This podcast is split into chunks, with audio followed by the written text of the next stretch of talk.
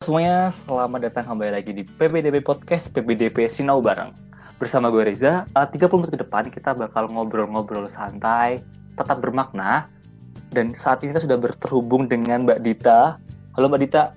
Halo, halo Reza, apa kabar? Wah, udah lama banget gak sih Mbak kita nggak ketemu? Lama banget, Za. Ya ampun, super lama banget. Nggak tahu tahun berapa deh tadi. Eh, kita menghitung tahun berapa terakhir kita ketemu dan nggak ketemu jawabannya. Dan itu udah lama banget. Udah Dan lama mungkin banget. yang- nah, yang mungkin yang belum tahu Mbak Dita, Mbak Dita itu adalah uh, Dewan Penggalang Angkatan 2008-2009. Ya, betul. Betul. Mm-mm, Terus SMA lanjutkan SMA di SMA 2 Yogyakarta. betul. Habis itu lanjut lagi di UPN Veteran Teknik Perminyakan. Iya, benar. Aku lulusan Tapi sekarang kerja nggak di perminyakan. enggak. Nah, Jauh. Itu dia. Menarik ya. Itu dia yang akan kita bahas hari ini. Yes. Kok bisa Bisa pokoknya. kerja, kerja kuliahnya perminyakan, kerjanya nggak di perminyakan? Enggak, enggak. Padahal eh, sama sekali tidak ada hubungannya dengan pernikahan sekarang pekerjaannya. Tapi sebelum kita bahas masa sekarang, kita Mm-mm. membahas masa lalu dulu, Mbak. Waduh. Waduh, waduh, waduh, kenangan-kenangan ini loh. Oke. Dulu Mbak Dita ikut DP. Kenapa Ya. kok pengen ikut DP, Mbak? Hmm, ke dulu ya, dulu Hmm. SMP itu, aku tuh sebenarnya ini fun fact ya, Za. Mungkin nggak Hmm. banyak orang yang tahu dan aku juga jarang cerita. Eh, kan kamu tahu sendiri imageku kalau di adik-adik kayak apa. tapi Mungkin aku sebenarnya, yang tahu, Mbak. tapi sebenarnya aku dulu tuh eh, pemalu karena aku kan anak pindahan dulu waktu SD. Jadi aku nggak punya temen gitu.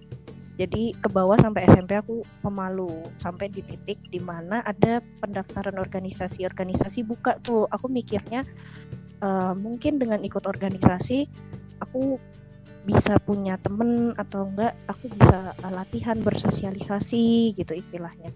Jadi aku daftar dan ya emang benar sih itu mengubah segalanya. Jadi kalau misalnya suruh menyebutkan hal-hal yang em, berpengaruh di hidupku ya masuk organisasi Dewan Penggalang itu sih berpengaruh banget karena jadi aku yang sekarang tuh awal mulanya ya waktu itu. Berpengaruh besar. Nah, berpengaruhnya ini hal konkretnya semacam apa nih, Mbak? Hal Ya, nyatanya nih.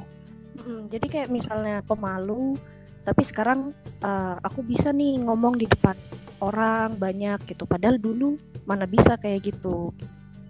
Itu sih sama kan kalau misalnya di dalam organisasi kita kayak eh, nge-arrange sesuatu tuh eh, apa ya istilahnya Hmm, kita bikin, Menyusun. bikin- menyusun sesuatu Mm-mm. kita bikin bikin sesuatu nah itu kan melatih komunikasi kita mhm. ke sesama dan juga ke pembina yang lebih tua nah itu ke bawah sih sampai sekarang jadi enak gitu punya modalnya lah dari situ makanya aku berarti- bilang yang Hmm. berpengaruh kan Oke, mungkin yang belum banyak yang tahu Mbak. Jadi sebenarnya di Dewan Penggalang itu, mengenai itu mengenai apa sih? Nah, Mbak Dita ini waktu panitia kemah besar itu di Komisi B. iya betul Komisi, B, itu terkait dengan acara ya. Mm-mm, jadi yang ngerencanain acara kita yang nyusun-nyusun jadwal, nyusun games, terus ya dan sebagainya pokoknya yang berhubungan dengan acara dan jadwal itu komisi B. Nah, berarti di situ ya Mbak ya poin di mana kita belajar ngobrol. Kita mulai belajar ini ngungkapin pendapat kita Mm-mm, bener, bener di situ. dan juga ngomong sama yang lebih tua dan lebih muda. Iya. Nah, kenapa itu modal besar? Nah, itulah pertanyaannya. Tapi sebelum itu Mbak, ada nggak sih uh, pengalaman-pengalaman menarik nih waktu di DP? Pengalaman menarik ya sebenarnya kalau di DP banyak banget sih. Tapi kalau Mhm. yang harus disebut yang paling menarik sih menurutku persiapan kemah besar sih karena ya gimana ya kita kan eh, setahun hampir satu tahun ya tujuh bulan lebih mempersiapkan itu dan akhirnya padahal cuma buat tiga hari nah kayak gitu Mm-mm. jadi ketika semua tersusun dengan rapi semua berjalan sesuai yang kita rencanakan gitu walaupun ada kendala apa ya rasanya sesuatu yang ah ini toh hasilnya selama ini jadi berkesan sih di situ Setuju gak Mbak? Kalau Dewan Penggalang STP Sleman itu beda sama Dewan Penggalang yang lain. sepengamatanku ya dari teman-temanku yang SMA kan eh, SMP Mhm. ada yang Dewan Penggalang juga. Mm-mm. Beda, beda sih kayak apa ya? Gini, eh, faktanya adalah ketika kamu udah kerja, semua hal-hal modal yang kamu butuhkan itu tuh ada tahu waktu di DP Setuju banget. dari komunikasinya, dari Mm-mm. problem solvingnya, semuanya itu tuh kayak ah bolak-balik kan kita punya pembina ya bolak-balik aku setelah kerja ini aku tetap ada waktu untuk apa ya, istilahnya update kehidupan gitu. Ketemu Mhm. sama pembina kita ketemu beliau dan aku cerita tentang masalah-masalah di kantor. Ya pasti beberapa kali ngomongnya itu loh kayak yang dulu diajarkan. Gitu jadi emang wah modalnya di situ gede banget. Aku baru merasa sekarang. Nah mungkin yang masih agak bingung nih. Emang ngobrolin apa? Problem solving apa? Mm-mm. Mungkin ini ya mbak ya tambahannya kayak ya kita tuh ketemu satu orang doang yang jenisnya sama gitu. Ya nggak sih mbak? Di dalam Iya, menggalang. benar benar karena kan setelah aku ikut Dewan Penggalang tuh di 2008 2009 eh, mulai dari 2010 11 sampai sekarang pun aku masih eh, kadang-kadang nemenin gitu persiapan Mhm. mereka atau nemenin juga di kemah besar kayak gitu. Ikut beberapa proses mereka dan itu berbeda sih setiap angkatan dan berbeda juga masalahnya. Jadi ya kayak mini laboratorium manusia gitu loh. Betul. Isinya banyak dan masalahnya beda-beda gitu. Ya itu mungkin yang bikin beda ya kita ngurusin organizational banget yang kita beneran manusianya tuh diperhatikan banget gitu loh. Mm-mm. aku satu tahun satu tahun di Dewan Penggalang jadi Dewan Penggalang itu uh, membantumu untuk berkembang gitu. Jadi nggak cuman kamu masuk dari nol gitu contohnya ya misalnya. Keluar tuh kamu punya sesuatu yang baru yang baru ada gitu yang tiba-tiba muncul gitu. Kayak kalau di kasusku aku pemalu nggak berani ngomong karena aku anak pindahan dan nggak bisa bahasa Jawa pendiam banget keluar dari DP aku bisa ngomong sama banyak orang bisa presentasi nah kayak itu kan masuknya apa keluarnya apa gitu.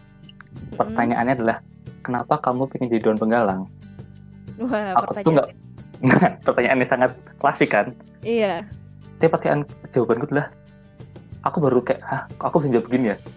Aku pengen nunjukin bahwa aku tuh bisa. Aku juga pengen bersosialisasi. Hmm, Terus kayak, oh. Nah, kayak, oh, ternyata aku pengen rasa itu ya. Dan Hmm. Dewan Penggalang bener ya mbak ya. Ketemunya tuh nggak cuma orang-orang yang Iya, kayak- benar. beraneka ragam bener-bener setuju kayak di dunia kerja tuh oh udah pernah nih kalau ketemu orang yang begini harusnya Iya. kayak gimana Mm-mm. Itu berlaku di semua organisasi sih. Maksud aku mungkin karena kita SMP-nya organisasi Hmm, ya, setuju. penggalang, makanya kita di sini banyak ngomongin dewan penggalang. Tapi organisasi apa pun, ketika kamu bisa menempatkan diri dengan baik, berkembang dengan baik, pasti dapat sesuatu kok. OSIS mungkin atau nanti kalau di SMA apa ya majelis gitu apa MPK, MPK Majelis Pelakan Kelas eh, atau ikut event jadi Mm-mm. panitia gitu itu pasti ada sesuatu yang bisa kamu dapatkan di situ gitu. oke berarti terkait itu ya poinnya adalah bagaimana kita menempatkan diri ya mbak ya Iya, benar. Mm-mm. Ah, berarti kan selama mbak dari SMP sampai sekarang ini sudah kerja nih Mm-mm. pasti ada dong kayak ah, cita-cita ya namanya ya Mm-mm. kayak apa sih kayak tujuan goalsnya nih Heeh. ketika mbak pengen mencapai goalsnya itu itu apa jadi mbak dilakuin Hmm, dari misalnya nih kayak tadi mbak kan tadi dari pendiam Mm-mm. terus pengen jadi orang yang bisa ngomong bisa presentasi. Mm-mm. itu kan nggak nggak nggak mungkin dong langsung masuk wah gua langsung bisa ngobrol. nah itu mbak bisa cerita nggak mbak terkait prosesnya itu? Hmm, jadi gini, sebenarnya kalau misalnya kita ngomong cita-cita gitu ya, dari kecil kan kita selalu ditanya tuh dari TK, dari SD gitu, cita-citamu apa? gitu kan? Pasti ada misalnya apa dokter, polisi, tentara dan segala macam. Ah, kalau aku pribadi waktu SD aku tuh malah bingung cita-citaku tuh apa ya, aku mau jadi apa ya? Nah, karena kebingungan itu jadi aku uh, karena aku melihatnya cita-cita tuh sangat jauh ya. Itu kayak wah itu kayak 20 30 tahun ke depan aku nggak bisa lihat tuh. Karena kalau Mhm. aku sering bikin uh, tujuan-tujuan jangka pendek atau menengah gitu ya kayak yang tadi kamu sebutin misalnya aku tahu nih diriku sendiri kan kalau misalnya kemarin Mas Ulul nih bilang Hmm, kita mengenali diri kita sendiri kan aku tahu aku kurangnya di sini gitu. Aku kurang bisa ngomong di depan umum dan aku pengen eh, melalui organisasi ini aku berkembang di situ. Yang aku lakukan adalah aku menggali itu gitu. Aku mengambil setiap kesempatan yang ada di dalam situ gimana caranya untuk membuatku berkembang dalam hal ngomong tadi gitu misalnya aku ingat dulu kalau misalnya kita kan setiap Jumat ada latihan rutin ya. Betul. latihan rutin tuh kalau dulu di tempatku ada pembagian tim-tim gitu jadi satu kelas dipegang satu tim biasanya tiga orang dan kita kayak eh siapa nih yang mau ngomong hari ini? Kayak gitu. Nah itu aku selalu eh, apa ngambil kesempatan di situ kayak aku aja gitu. Itu sih. Jadi ketika kamu tahu kamu punya goals apa nah itu yang kamu kejar gitu kamu butuh modal apa Itu terkait jangka pendek dulu ya Mbak ya? Mm-mm. Atau semuanya nih, jangka pendek, menengah, dan panjang? modalnya sih Oh, Basic. modalnya. uh, basicnya basicnya untuk mencapai semua apa ya istilahnya cita-cita atau tujuan yang ingin kamu capai gitu ya pasti ada step-stepnya tapi sebelum kita ke step-stepnya kita tahu dulu sebenarnya apa goalsnya Oke, kita menentukan goalsnya dan kita mempersiapkan modal-modal itu. Mm-mm, bener Eh, kayak ini contohnya ketika aku SMA gitu ya ini Mhm. cerita cerita eh, lanjut aja gitu ya Hmm, Hmm, aku SMA, aku menyadari uh, apa ya kira-kira skillku yang masih bisa aku asah gitu. Aku suka membaca dan tertarik di kepenulisan. Terus aku waktu itu ikut uh, programnya kedaulatan rakyat itu yang reporter anak SMA gitu mhm. belajar jadi jurnalis di situ gitu. Uh, dari situ maksudnya itu kan melakukan sesuatu hal yang bukan rutinitasku ya tiba-tiba nggak punya pikiran jadi jurnalis terus kayak ah coba deh gitu dari situ aku mm, ketemu lagi tuh hal baru kayak misalnya uh, ilmu komunikasi. Ya kan? Kayak aku Mhm. dulu tahu aku mau kuliah apa setelah aku coba jadi jurnalis cilik itu terus aku kayak kalau mau jadi jurnalis dan diseriusin tuh sekolahnya apa sih? Gitu. Terus aku masuk ke ilmu komunikasi. Oh ternyata ilmu komunikasi bukan cuman tentang jurnalis. Tapi ada juga dia tentang advertising dia tentang public relation. Nah aku jadi menemukan tuh aku terkoneksi dengan public relation itu dan aku menyadari mungkin tempatku di situ gitu karena aku lebih tertarik ke ngomong gitu Mhm, Itu saat SMA. saat SMA jadi aku Mhm. menemukan jadi kalau misalnya cita-cita tuh wajar sih kalau gonta-ganti gitu kamu gonta-ganti nggak sih kalau dari kecil gitu ya kan Betul banget. Dulu waktu kecil tuh kayak yang bener-bener nggak kayak waktu TK tuh pengennya jadi pilot, Nah, tentara. Nanti SD jadi apa. SMP jadi apa terus SMA sekarang Tapi pernah nggak mbak di- apa di sewaktu-waktu kita lupa kita punya cita kayak kita lupa nih kita pengen punya cita-cita atau kita bingung cita-cita kita apa ya? Mm-mm. yang lebih sering kebingungan sih mbak. Ketika Pernah kayak mbak? aku sering apalagi di umur-umur segini wah itu masa-masanya kamu mempertanyakan banyak hal Mohon maaf nih segini berapa nih mbak? Aku ya, eh, seperempat abad lah. 20-an lah ya. kepuluhan 20-an. SMA kan itu udah mulai tinggal dengan diri sendiri ya.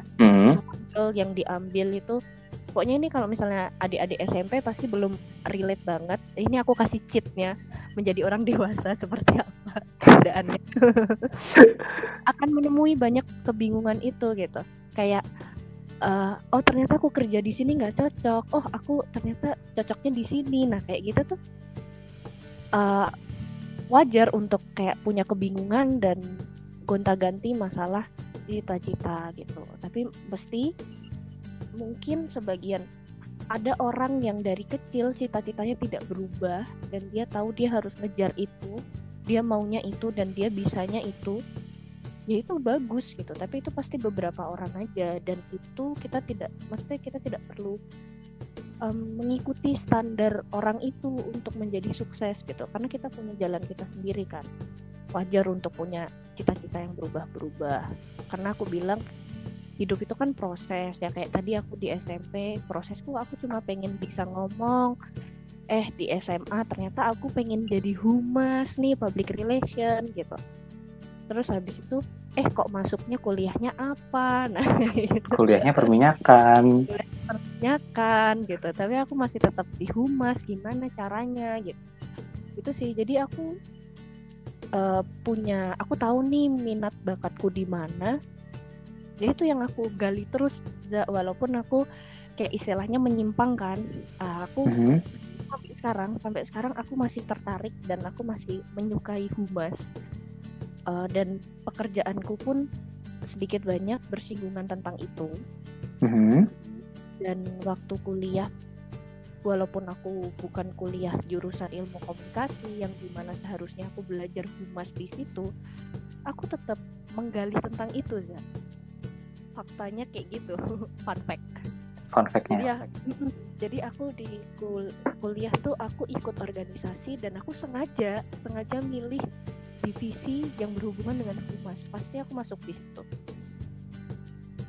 karena aku suka gitu aku tahu aku bisa di situ jadi emang sebenarnya relate banget sama materi Mas Rul kemarin mm-hmm. yang penting kita yeah. kita harus tahu dulu nih kita minatnya ke mana dan bakat kita apa mm-hmm. Kal- pun kalau belum uh, uh, pun bel- kalau misalnya belum tahu belum hmm? tahu ya kamu bisa mencoba banyak hal itu nggak salah gitu Hmm, setuju setuju. Karena, kan dari mencoba itu ya, hmm. kayak kamu akan menemukan apa yang kamu senangi. Coba bayangin ketika kamu tidak punya gambaran kamu mau jadi apa, kamu belum mengenal dirimu sendiri, kamu tuh bisanya apa. Terus kamu diem aja, kamu nggak mencoba A, nggak mencoba B gitu. Ya kapan kamu menemukan itu, menemukan kesenanganmu terhadap sesuatu. Jadi coba-coba aja kayak Ah, kalau aku kemarin aku nggak tahu kan aku coba jadi jurnalis ah aku coba jadi humas ah aku coba jadi inilah kayak gitu. Mencoba dan mengambil kesempatan ya mbak ya? Mm ada kesempatan diambil aja ya? Iya sikat aja lah untuk masih muda gitu. Perjalanan tuh panjang kan. Tapi kalau misalnya adik adik kayak adik-adik SMP ini kayak maksudku uh, jangan berpikir jangan berpikir ketika oh, aku masih SMP kok. Dewasa tuh masih jauh uh, bener sih nggak salah dan nggak salah ketika kamu menikmati hidup di SMA waktu-waktu waktu-waktu itulah yang jadi modalmu di masa depan gitu. Kalau bisa ada waktunya untuk memikirkan dirimu sendiri. Tapi setuju sih mbak. Ketika mbak tadi bilang kalau uh, kita harus mengambil kesempatan. Masih ingat nggak mbak? Ini ini sedikit cerita aja dan itu pengalaman pribadiku ketika hmm. aku, ini aku SMP berarti ya masih SMP kelas 9 pertama kali ikut SMP alumni. hmm. alumni dan ikut kemah. Hmm. ditempatin di pamong kesekretariatan. Wah baru ya Za itu ya? Itu, kamu sebelumnya waktu DP apa sih Za? sama komisi B juga. Oh komisi B iya. Tapi aku tidak begitu aktif. Maksudnya pen -hmm. aku pendiam. -hmm. nah waktu itu kesekretariatan kan aku mikir kan teman-temanku dapat kegiatan apa perlengkapan. Gitu ya. gue saya ya? iya aku saya kayak hah untuk apa? Aku di sini. Masih begitu gak sih mbak? Mm -mm.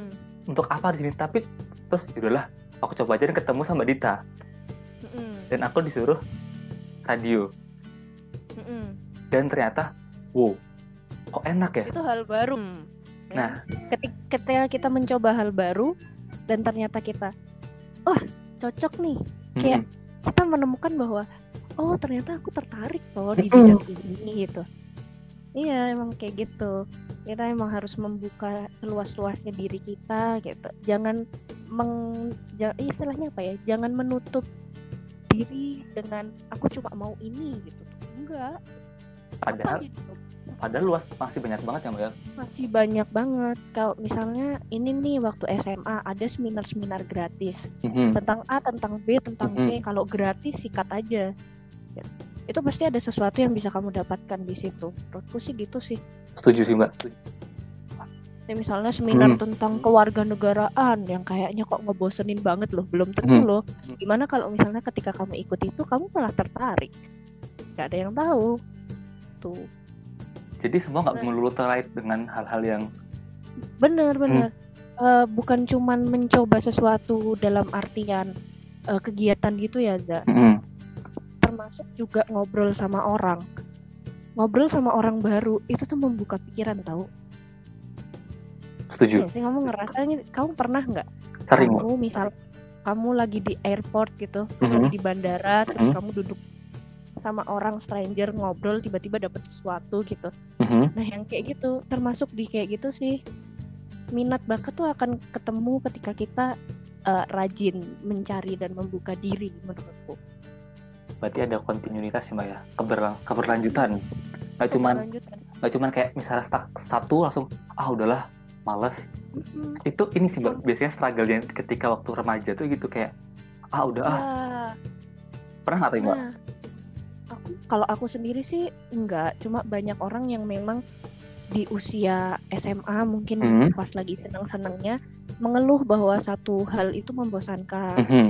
hal ini membosankan. Mungkin kalau kamu bosan ya itu bukan bukan apa ya, bukan sesuatu yang kamu mau gitu. Jadi coba deh cari yang lain. Akan ada bosan berarti bukan itu, pindah aja. Tapi bukan berarti yang kamu bosan kamu bukan di situ ya. Hmm, setuju. Mm-mm. Kalau sampai kamu menemukan sesuatu hal yang emang kamu pikir kamu bisa dan kamu eh, apa ya istilahnya, oh ini kok kayak ada masa depannya ya. Gimana kalau misalnya aku menjadikan ini sebagai tujuan atau bukan tujuan sih kayak istilahnya aku pengen ini jadi sebuah profesi ketika aku gede gitu. Ya itu akan apa ya? Kamu menggali itu terus, terus abis itu kamu good at it, kamu menjadi ahli di situ, ya itu bagus. Nanti uang datang sendiri, karir datang sendiri gitu. Kayak misalnya contohnya gini, Za. Banyak banget kan sekarang YouTuber. Mhm. Dulu mana ada kita kepikiran YouTuber bisa menjadi sebuah profesi gitu. Betul. Padahal mereka cuma apa? Mereka awalnya mereka ngomong sendiri gitu. Wah, mereka mene- menemukan kesenangan dalam membuat konten. Siapa tahu da- eh, salah satu dari kalian ada yang merasa seperti itu, digali terus bisa menjadi sesuatu loh gitu contohnya. Padahal mungkin mereka kuliahnya apa nggak berhubungan sama pembuat konten ya kan? Mhm. Itu sih kalau misalnya emang ada sesuatu yang bagus dan kalian gali satu, itu juga bagus. Tapi kalau misalnya belum nemu dan masih bingung, ya cari seluas-luasnya. Berarti pilihannya ketika sudah udah yakin nih aku ini digali terus atau kalau misalnya kita masih bingung coba aja semua yang kamu belum pernah coba maksudnya Iya, kegiatan betul. positif ya. Iya, ketika aku tadi kan aku udah cerita ya, Hmm. Maksudnya aku tertarik dengan humas Mhm, Mas di kuliah, aku eh, masuk divisi masuknya divisi Hmm. humas. Sorry, masuk divisi humas. Tapi setelah eh, lulus kuliah, aku nggak berhenti sampai situ, za. Ah, karena aku masih tertarik dengan humas, aku ikut training public speaking. Coba bayangin ngapain kamu training ngomong di depan gitu kan menurutku modalku tuh harus terus diasah, harus terus digali gitu. Sampai aku bener-bener bisa itulah. Jadi nggak berhenti aja. mungkin ini mbak. Ah, gimana mbak Belajar tuh seterusnya gitu. Ah, mungkin ini mbak ada pertanyaan mbak Mm-mm. kenapa Gimana? kita harus nyiapin modal terus misalkan pernah kan kita di Hmm. posisi kayak kayaknya udah cukup udah segini aja padahal itu sebenarnya bisa jadi itu batu ini kan batu kerikil kita bisa bikin terjatuh nggak sih Iya. tanpa kita sadari mm-mm. Nah, kenapa kita Modal. harus mm, modal? Tadi yang terkait dengan kita komunikasi sama orang, kita nyoba-nyoba hal-hal baru. Mm. Karena istilahnya kalau aku boleh bilang model ini tuh adalah bahan bakar gitu. Hmm, Ketika oke. kamu ingin bergerak, Mhm. kamu udah punya nih, kamu punya dirimu sendiri sebagai kerangkanya, kamu punya otakmu sebagai rodanya gitu misalnya. Mhm. Tapi kamu nggak punya bahan bakarnya, apa modal-modal itu yang nggak gerak, nggak akan menjadi sesuatu di situ. Itu sih menurut penting karena itu tuh yang jadi selain jadi modal untuk bergerak juga jadi pondasimu biar kuat. Oke. Berarti bahan bakar pun bisa habis jadi harus dicari terus ya mbak ya? Harus belajar terus belajar terus belajar terus. Bahkan ada kalau ada uh, pernah kamu dengar Hmm? tuh kayak semakin kita belajar terus semakin kita merasa nggak tahu. Jadi kita kayak merasa terus terus terus terus terus belajar gitu. Betul betul tapi kalau kita udah ngerasa sok tahu kita masih kurang belajar. Wah itu itu di Oh iya banget sih, Mbak. kalau Ah, kita kalau bisa jangan pernah merasa cepat puas. Nah. Menarik ini menarik nih kadang kan kita ini mbak uh, struggle yang mungkin pernah kita rasain waktu SMP nih. Ketika udah pernah berhasil satu kayak wah bisa langsung udah puas gitu loh. Kayak ya udahlah. Aku jago. Hmm. kata aku jago ini udah padahal Mm-mm. i- kalau kita udah udah bilang udah puas bisa jadi kita selesai nggak belajar lagi Iya betul. Makanya apa ya kalau kata orang tuh kayak tetap merasa penasaran tuh terus ada gitu kalau bisa. Ini kenapa gini sih? Ini kenapa gini? Aku bisa nggak ya kayak gini? Terus ada pertanyaan itu supaya kamu terus bergerak. Motor tuh kalau lama nggak dipanasin, kalau lama nggak dipakai kan rusak juga. betul Ya gitu lah. luar biasa pembicaraan kita cukup ini ya mbak ya Cukup menarik ya. Mm. tapi Tapi kalau ma- banyak, maksudnya aku tahu di umur SMP SMA Mm-mm. gitu banyak yang masih aku tuh nggak tahu ya aku tuh mau jadi apa, aku Mm-mm. nggak tahu cita-citaku apa. Oh kok kayaknya nggak punya semangat hidup gitu. hmm, tahu tahu tahu Jangan menyerah gitu, jangan menyerah. Wajar, wajar di seumuran kalian merasakan kebingungan itu. Tapi mau sampai kapan bingungnya? Kalau aku punya tips apa tuh mbak ketika bingung gitu, Mhm. coba kamu duduk sendiri kamu ngobrol sama dirimu sendiri siapin kertas dan kamu coba tulis eh, apa sih keahlianmu coba tanya ke orang kamu tuh bagusnya apa. Aku melakukan itu kalau kamu lihat Za, di storyku beberapa minggu sebelum ini. Iya iya iya. Kayak aku. Iya tahu. Iya kan? Heeh. eh, teman-teman tolong aku dong. Menurut kalian aku nih bagusnya apa sih gitu. Dan aku kaget za karena aku menemukan sesuatu yang eh aku nggak merasa gini ternyata menurut orang aku bisa ini. Nah itu aku masukin ke listku. Oh aku bisa di sini dan itu yang bakal aku gali ke depannya. Kayak gitu sih Za. Berarti nih ya jangan berhenti sampai kalau misalnya mau nyoba nih teman-teman cuma mau nyoba cara mbak Dita. Kita mau collect nih mau mengumpulkan nih kira-kira orang melihat kita tuh gimana sih? Dan itu ternyata kalian Nah. positif jangan sampai bilang wah aku gini. Tapi dilanjutin kata-katanya. Kita harus Benar. mencari mencari lebih dalam lagi. Misalnya kamu merasa dirimu bisa ngomong divalidasi dengan orang lain orang lain ngomong kamu emang pinter ngomong nah kan itu ada sesuatu hal yang positif tuh Za. Mhm, mungkin emang aku punya bakat di situ ya gitu terus kamu ikut training mhm. kamu ambil semua kesempatan ya emang lama-lama kamu akan pinter ngomong beneran gitu oke tapi mbak kalau misalnya ternyata ketika kita sudah mengumpulkan itu jawaban negatif kamu ini kamu ngomongnya kecepatan Heeh. Nah. Nggak apa-apa gimana tuh? Itu? Atau kamu itu hmm? jadi sesuatu gitu. Itu jadi sesuatu. Kritik itu tidak selalu jelek. Cuman kita lihat lagi ya kalau kata pembina kita bapak Pak Arif itu. Kita, kita harus lihat siapa yang ngomong. Gitu. Jadi jangan menelan mentah-mentah kata-kata negatif dari orang. Itu sih kan kadang ada tuh yang terbebani banget Za kalau Hmm. misalnya dikritik. Betul kritik tuh bisa menjadi bagus ketika kamu menerimanya dengan lapang dada. Oh ya mungkin aku emang kurang sih, berarti aku harus coba lagi ah di situ gitu. Jangan patah semangat. Oh jangan pernah nyerah sih di hidup ini tuh kita harus tetap bertahan dan berjuang.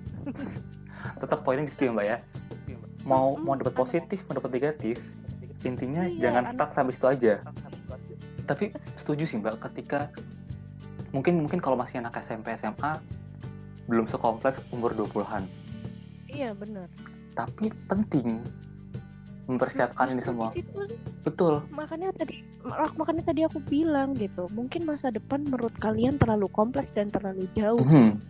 tapi justru di situ tempatmu mencoba banyak hal kesempatanmu di situ karena yang kamu pikirin nggak banyak Setuju. I wanna cry. Mungkin mungkin anak-anak yang SMP SMA berpikiran kuliah tuh enak. Oh. Tidak semudah itu Ferguson. itu tuh salah satunya ketika kamu tahu minat bakatmu apa yang bisa bikin kamu tetap bergerak walaupun di keadaan yang tidak ideal yaitu dirimu sendiri itu tadi Modal tadi. Iya, muter-muter iya, muter-muter banget ya. Dan ini anak mungkin kalau di- didengerin sama anak-anak SMP mereka bingung, tapi ketika didengerin 2 3 tahun lagi mereka akan Oh, oke. Aku tahu Mbak sekarang maksudmu gimana. Bener bener bener. Heeh, ini kayak eh, episode ini tuh kayak aku banyak ngasih gambaran aja sih karena ya cita-cita tuh nggak mungkin kita tiba-tiba jadi A. Hmm. Semua tuh proses, semua itu proses. Dan ini juga mungkin mbak, mungkin yang mereka belum uh, belum tahu lagi karena kan kalau usia mbak Dita kan sudah mengalami banyak makan garam nih. Maksudnya gini nih, emang kalau aku jadi misalnya ketika SMP itu kan cita-cita masih klasik ya, maksudnya cita-cita yang umum, jadi dokter lah, Umum. jadi Ya. guru lah, jadi apa ya, ah, jadi insinyur lah. Mungkin di pikiran mereka, Iya. guru kan aku yang penting aku pinter, Heeh. kan nggak sesederhana itu gak sih mbak?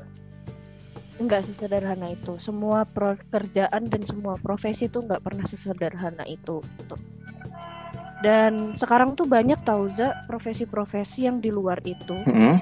yang hadir karena minat bakat seseorang kayak misalnya desain grafis kamu kebayang nggak sih kalau desain grafis tuh mereka tuh apa ya nggak semua orang bisa kan Betul. ada orang suka gambar bikin poster eh dibayar gitu dapat duit. Kayak kita dulu kan nggak ngira kalau desain grafis itu adalah pekerjaan gitu. Misalnya lagi tadi ada satu youtuber yang Hmm, bilang ya kan Lagi booming banget ya. pekerjaan baru gitu. Kamu tahu lagi kayak event Nah. event planner. WO, Ya IO, WO, IO, wedding organizer, event organizer, aku nggak pernah tahu kalau itu bisa menjadi suatu profesi. Nah, ya. Yang aku itulah gunanya kita melebarkan betul. pandangannya di pikiran kita dulu kan kalau anak rapat-rapat kan alah buat apa rapat-rapat? Buat apa sih organisasi? Bisa jadi bakat kita itu misalnya mengarrange acara itu bisa jadi Hmm. duit ya. Benar benar. duit pikirannya mbak. Tapi gini ya maksudnya cita-cita bukan bukan tentang uang Betul. juga cuma maksudnya masalah profesi itu dari eh, pekerjaan-pekerjaan yang tidak umum tuh ada kok yang menghasilkan gitu. Karena kan kadang ya itu makanya sekarang anak zaman sekarang sih menurutku banyak banget perbedaannya kalau ditanyain tentang cita-cita. Nggak klasik lagi karena kan informasi mereka lebih cepat Betul. dapatnya ya daripada kita dulu gitu. Banyak banyak sumber lah. Gali-gali lah. Ah, kamu suka gambar, coba deh di situ open commission. Kamu tahu nggak sih kalau ini suruh gambarin kalau ada anniversary, Mhm. kalau ada ulang tahun gambarin, Ya, ya. terus nanti dibayar itu kan menjadi side job walaupun itu inilah istilahnya gitulah. Cita-cita tuh nggak saklek, nggak sependek profesi. Gitu. betul betul dan kadang-kadang tuh itu bisa ini nggak sih mbak kayak karena ini relate dengan kehidupan pekerjaan jadi mungkin agak jauh lagi nih mbak sedikit aja nih kadang-kadang tuh hal-hal semacam itu tuh sedikit bisa gimana sih kalau lagi stres pekerjaan kita kembali ke Iya. bakat kita tuh kayak ah oke aku kembali ke diriku lagi Bener. Mm-mm. makanya Karena faktanya, faktanya ya adik-adik, ketika kamu dewasa dan harus bekerja untuk menghidupi dirimu sendiri, kadang pekerjaannya itu tidak sesuai sama cita-citamu. betul sekali ini ya mbak ya mengekspor. Hmm, jangan pernah Benar. jangan pernah setuju jangan pernah kita menutup ini mbak ya menutup apa sih menutup dunia menutup kesempatan menutup diri dari ah aku kerjanya udah ini, padahal aku tuh pengennya jadi eh, tukang gambar nih desain grafis ya. Ya udah, lakuin aja tetep. gitu. gali-gali terus cita-cita nggak Mm, cita-cita tuh nggak sependek profesi kok Mm-mm. cita-cita nggak harus profesi Betul. dan semakin semakin bertambah usia tuh cita-cita kita tuh semakin luas Mm-mm. dan aku tahu untuk mencapai sana modalku yang ada sekarang itu bakal kepake makanya aku tetap melakukan apa yang aku kerjakan sekarang Oke, berarti please banget ya buat kalian semua. Ayo mulai cari modalnya dong. Dan mulai mulai apa? Menggeluti lagi. iya Jangan pat- patah semangat ya, Mbak ya. Mm-mm. pokoknya lakukan sesuatu dengan senang pasti kamu juga kayak enjoy gitu melakukan semua. Oke, ini Mbak terakhir Mbak, ada nggak pesan untuk teman-teman semua? Terkait kita kita ini ya? hmm, struggle-nya atau gimana? gini eh, sedikit nih. Aku nggak tahu ini bisa jadi pesan atau gimana cuman eh, tadi seperti yang udah aku sampaikan tadi wajar di umur eh, menuju 20-an itu punya kebingungan mau jadi apa bahkan setelah mencapai 20 dan selebihnya tuh akan lebih bingung lagi kamu mau jadi apa jadi jangan nyerah jangan menutup diri. Coba semua kesempatan dan belajar sebanyak-banyaknya, cobain pengalaman sebanyak-banyaknya. Pokoknya jangan sampai kamu waktu udah gede kamu nyesel kamu tidak mengambil hal-hal yang baik itu. Kadang-kadang tuh rezeki atau hal-hal baik tuh perlu dijemput soalnya gitu sih. semoga bisa memberi insight Teman-teman semua ya. Baik, terima kasih buat Mbak Dita ya, Mbak ya atas waktu yang telah diberikan. ya terima kasih Za juga dan adik-adik PPDP atas kesempatannya menyenangkan sekali podcast jarak jauh kita sehat selalu jaga kesehatan walaupun lebaran kali ini agak berbeda dari sebelumnya tapi semoga semuanya bisa berjalan Amin, amin. Terima kasih Mbak terima kasih buat buat semua yang telah mendengarkan kita. See you next time. sehat-sehat Reza Iya. see you next, See you next time. Bye.